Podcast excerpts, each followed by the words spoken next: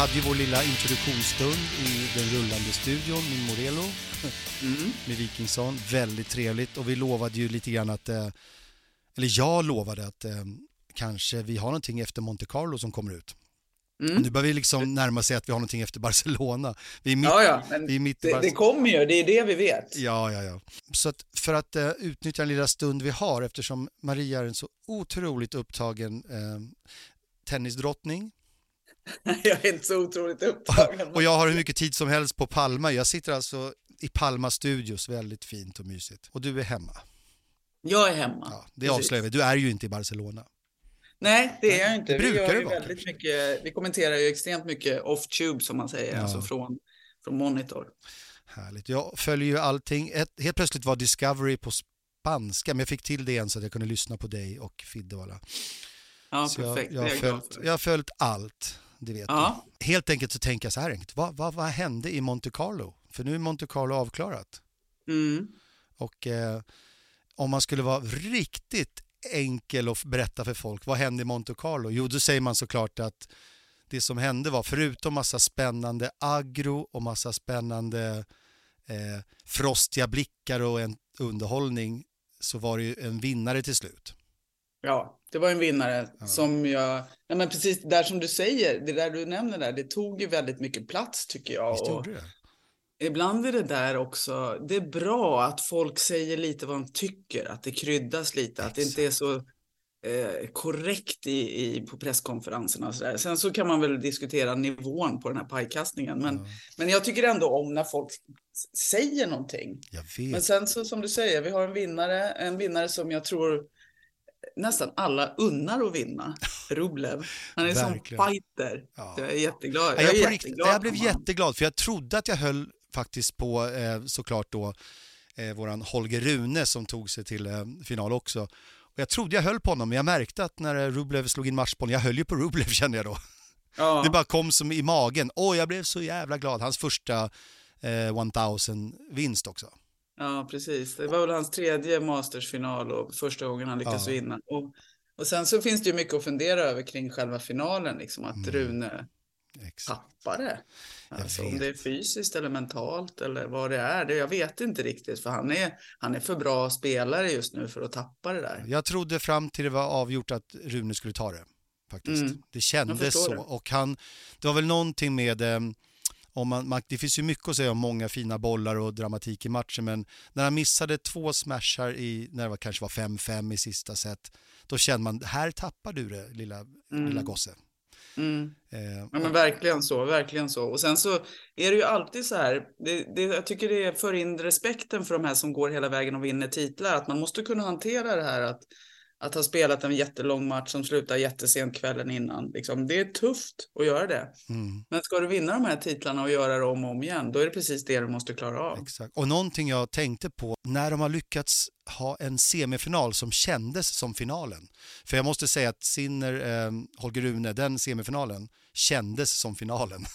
Mm, jag förstår eh, vilket det. är jättetaskigt mot Rublev att säga, men det kändes så mm. på något sätt. Och stämningen var sån och det var uppskjutet, det var sent på kvällen, väldigt mycket känslor, det var, lite, det var inte alls kärlek mellan dem just då, Sinner och mm. Rune.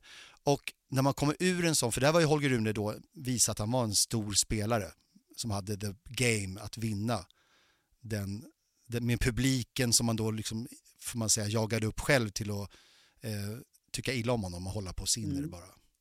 Men att han gick segrande ur den känns som att eh, påverkar finalen sen lite kanske. Att han, han har redan gjort sin insats. Mm. Du vet som när Sinner vann mot Alcaraz och inte orkade spela mot Medvedev. Det kanske var värmen men det händer ibland att de inte orkar följa upp det för det var så stort det de gjorde nyss. Ja, men där kommer man tillbaks till det där. Jag håller helt med dig. Att man liksom, det är så mycket du ska klara av för att gå hela vägen och vinna en titel. Mm. Och jag tror Rublev, han är inne i något nu. Han bara kör liksom. Han, han är urstark tränare och sliter alltid liksom. Och skön attityd tycker han har. Och ja. spårar ur lite också, men visar temperament. Men han blir aldrig osportslig. Nej. Liksom. Och när han är där nu så att han kan klara av alla de här hindren och alla motståndare som eventuellt stökar till det. Liksom. Och skönt för honom att inte bli, än så länge har han varit ansikte utåt för att slå sönder knogarna på strängarna typ. Det, han, han blir liksom viral av alla små självhatiska utbrott. Det fanns, jag tror det var någon av de här Rotterdam eller någon av de här tävlingarna när han i smyg slår fem gånger i sin tennisväska så han tror ingen ser det. Som om det vore liksom eh, en, en femåring som slår en annan femåring på dagis eller något. Det ser helt sjukt ut.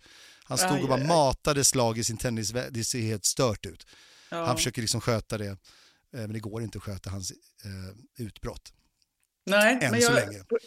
Och det ju, måste vara skitjobbigt för honom att ha de här utbrotten, men mm. de är ändå riktade mot honom själv. Exakt. Han liksom vänder inte mot att det blir någon ursäkt eller att det är publikens fel mm. eller motståndarens fel, utan han blir fly förbannad på sig själv. Och han är väl, jag har förstått som att han är en av de mest omtyckta på touren, för de hänger med varandra hela, hela tiden.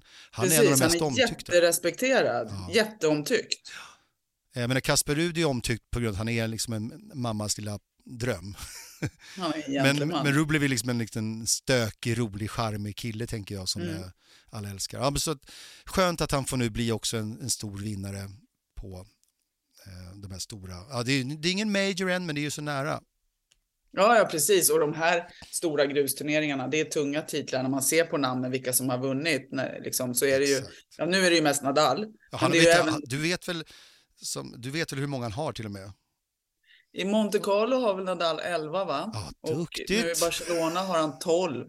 Björn Borg har väl tre i alla fall. Ja, och han var på plats också. Oh, gud, att jag, jag fick lite så här rysningar. Apropå att jag skulle ringa upp Björn Borg, jag vågade inte ringa honom när jag såg det. Han går runt och glider, han glider bland eh, borden och är som en kunglighet där. Eh, mm. Bland restaurangborden. Och de, det fick vara med lite sändning. Jag var så modig att jag i alla fall skickade till Patricia vad tjusig du är i sändning. Bland ja. Det vågade ja. jag göra, men jag vågar inte ringa upp. Jag har så jävla respekt för Björn. Ja, men det ska man ha. Ja. Den har han förtjänat. Samtidigt är han så otroligt, otroligt vänlig. Ja, han är ju det. Mm. Ja, men det är kul. Det är kul att scrolla igenom Monte Carlo-vinnarna. Förutom att det är Nadal så är det i övrigt väldigt fint hela vägen. Och, det, mm. och går man bakom Björn Borg så är det Nastase, Nastase, Nastase och lite annat fint. Mm. Ja, Monte Carlo är fasen i mig något. Om du och jag ska åka någonstans eh, nästa år så tycker jag Monte Carlo ligger riktigt högt upp på listan. Ja, jag, jag är gärna med. Om vi ska kämpa oss till något ställe tillsammans. Mm.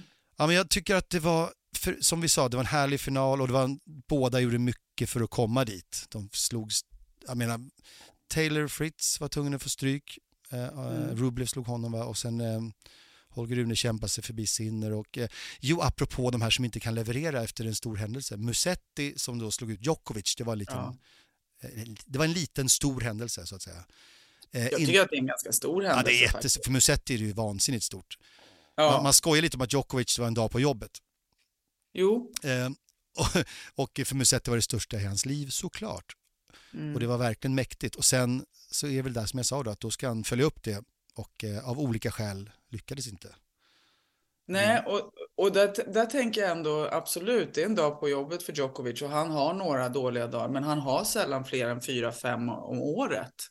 Liksom, så det, det har också med hans motståndare att göra att Musetti tog vara på den här chansen och just när att han visar det här tålamodet som han gjorde i den matchen, det är också så här, inte bara oj, jag, jag, skulle kunna ta det här för Djokovic spelar inte sin bästa tennis Nej. utan faktiskt var så cool som han var i det. Det ja. tycker jag var imponerande. Men sen sett... Alexander, så nämnde du också Fritz tennis. Det mm. tycker inte jag att jag har sett innan. Det var jättekul. Ja, alltså hans, eh, framförallt hans grustennis då. Ja, precis. Ja. Det finns en liten grej där med Taylor Fritz och Tsitsipas lite sådär på sociala medier. Att eh, Tsitsipas pratar om amerikanerna som har så svårt med Europe Clay och allting. Och var det så att Taylor Fritz skrev på kameran US Clay? Frågetecken, frågetecken, frågetecken. Mm. Ja, som en liten intern blinkning till att ja, det var väl inte så himla stort problem va? Nej, exakt. ja, men det var riktigt bra gjort. Sen så tror jag att han, de pratade om det där efter att, jag undrar om inte liksom Tsitsipas hade syftat på att eh, grusbanorna mm. i USA var, var så dåliga. Liksom. Ja, eller om det var deras gröna grus. Eller vad man ja, precis. Ja. Att det var det. Exakt. Jag vet inte exakt Nej. vad det var, men eh, Taylor Fritz svarade på det, han sa att det är bara ett skämt. Ja, ja. För övrigt Musetti Lorenzo Musetti som man faktiskt gillar så mycket. Eh, att han ska följa upp Djokovic, då får man också komma ihåg att det var Jannik Sinner han fick Precis. i nästa omgång, så det är inte så lätt att följa upp mot Jannik Sinner. Nej, jag tycker Jannik Sinner är ju, ja. åh herregud. Gud vad vi tycker om honom, eller hur? Alltså vi tycker om honom så mycket för att det är sån utveckling och ja. för att han är en cool kille också liksom det är inte så mycket extravaganser där, utan det är, han, han går in och kör och gör jobbet. Men nu, nu börjar det liksom spraka om hans tennis. Det är det som är så kul. Ja, verkligen. Och eftersom han känns som han är en så fin kille, han känns som någon slags italiensk Stefan Edberg eller någonting, jag vet inte vad det är. Ja, det är en bra jämförelse. Ja, han påminner om honom. Och att han ger en frostig blick till Holger Rune, då börjar man förstå att Holger Rune inte är så socialt begåvad med de andra i omklädningsrummet, verkar det som. Det... Alltså min stora önskan är att Holger Rune eh, får, får till lite fler pusselbitar. Mm. För gisses vilken förebild han skulle kunna vara i hela Norden. Alltså, för den tennis oh, som han spelar, den atlet han är. Mm. Tänk om han fick till de här andra pusselbitarna också. Så, ja, då är ju liksom, det finns ju inga gränser Nej, för och Den karisma för superstjärnor vill man ju ha och han har ju den karisma som är lite mer än, än många andra har. Och han, jag träffade honom snabbt på Stockholm Open med mamman där och han känns jätte jättegullig så när man satt mm. vid fikabordet. Han känns ju inte alls som en störig liten som förtjänar att vara eh, illa omtyckt. Så ja, alltså hoppas verkligen. Och sen så handlar det om att liksom klara av och behärska sig när det bränner till liksom. Mm. Det är så otroligt, både viktigt för hans karriär, men också liksom viktigt i det här att, att för vare sig han vill eller inte så är han en förebild nu. Ja. Och, det, och jag älskar ju att folk är olika och att man säger vad man känner och visar vad man känner och sådär. Men... Verkligen. Har du sett Medvedevs eh, senaste presskonferensuttalanden? Han är så underbar i presskonferenser. Ja, det är han verkligen. Men vad, vad tänker du på? Dels när han uttalar sig om Zverev, um, när Zverev uttalar sig typ i tysk tv lite sådär ganska direkt efter och berättar hur och det finns ingen som är så unfair och uh, osportslig som Medvedev och slänger ur sig massa grejer och Medvedev svarar på precis lika coolt sätt som han spelar tennis. Men det, det där klippet bara, det är bara Youtube. Det, det är jättekul. Vad säger han då? Ja men i stort sett så äh, ja, han är lite så han borde egentligen ta sig en titt i spegeln bara och kolla lite på sig själv. Äh, han säger också att han är jättebra vän med mig och min fru, vilket inte är sant. Han svarar så här mm. på ett äh, lugnt sätt, så som man vill svara när man blir upprörd när någon säger något skit om Just det. Ja, han är, han är kylig och han, han pratar ju från hjärtat ja. också, men med lite, lite tanke. Exakt, han känns mm. lite överintelligent ibland. Mm. Det, ja. Jag tror att det är hans stora, han har ett intelligent utseende med sitt stora huvud. det ser ut som det är extra mycket hjärna där i skallen. Jag skulle berätta, om någon frågade om eh, Monte Carlo skulle jag sagt Rublev vann mot eh, Holger Rune i finalen. Eh, det var mycket aggro och Musetti slog ut Djokovic. Och jag vill också lägga till det vi sa där om mm. Fritz. Fritz kan spela på grus. Och det kan bli intressant framåt nu i alla de här grusturneringarna som Exakt. kommer. Mm. Men nu när vi pratar nu, då sitter du mitt i det, därför jag känner mig så så dum som stör dig mitt i att du kommenterar Barcelona. Eh, och där har det redan hänt att Alcaraz i första omgången slår ut mitt lilla portugishopp Nuno Borges ganska enkelt och bekvämt. Ja, ja men han är ju... Ja, det, det är så. Jag vet inte vad man ska säga om den här Alcaraz. Vi vet ju att vi kommer prata om Alcaraz ja. de närmaste 20 åren i alla fall. Liksom. Och han är bara fenomenal. Min dummaste spaning kring honom som inte kan stämma det är att när han har lite för jämna matcher ibland, man tycker att han har matchbollar mot sig, de här turneringarna som man känner han kunde ju lika gärna åkt ut när han vinner. Då tänker jag att han är så överlägsen att han vill att det ska bli längre, roliga matcher för han älskar att spela tennis. Så kan det ju inte vara, men jag får för mig att han förlänger matcherna med flit. Så tror jag det verkligen inte, inte att det är. Men, men det är onödigt jämnt ibland. Vad sa du? Det är onödigt jämnt ibland.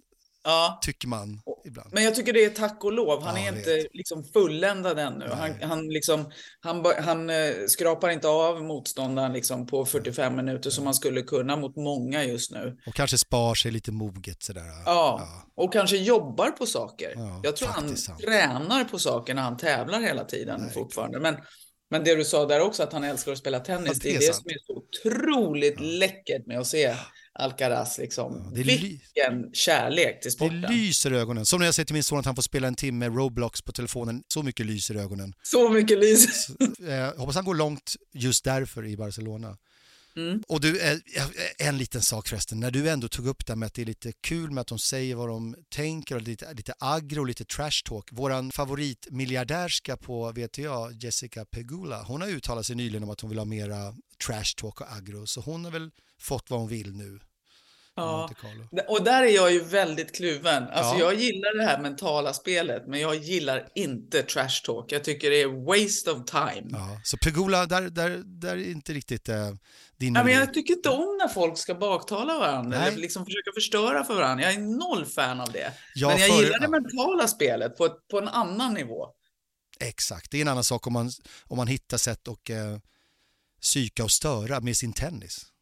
Ja, Ja, det, På- det, det är lite elegantare. Det är elegantare. Ja. Verkligen. Det där, men där är vi alla olika, det vet jag Ja, verkligen. verkligen. Men En jag är del- så ja, del- enormt emot det där. och en del vill ha 70-talets eh, Jimmy Connors eh, figurer tillbaks. Ja. Nej, jag, håller, jag vet inte. Jag har en playlist som heter Tennis Pop på Youtube nu som är offentlig. Där jag lägger upp allt jag tycker är kul som man kan gå in på. Och där la jag upp lite emot min vilja men ändå inte. Eh, Det finns ju Sagan om Björn Borg som kom på SVT på 90-talet. Den är lite, tycker jag, förvinklad elakt mot Björn Borg men det är så härliga bilder och klipp så att den la jag upp. Maria Strandlund Tomsvik, My Love. Eh, vi hörs lite senare. Det gör vi. Ta hand om dig. Återgå. Mm. Okej, Hej då. hej.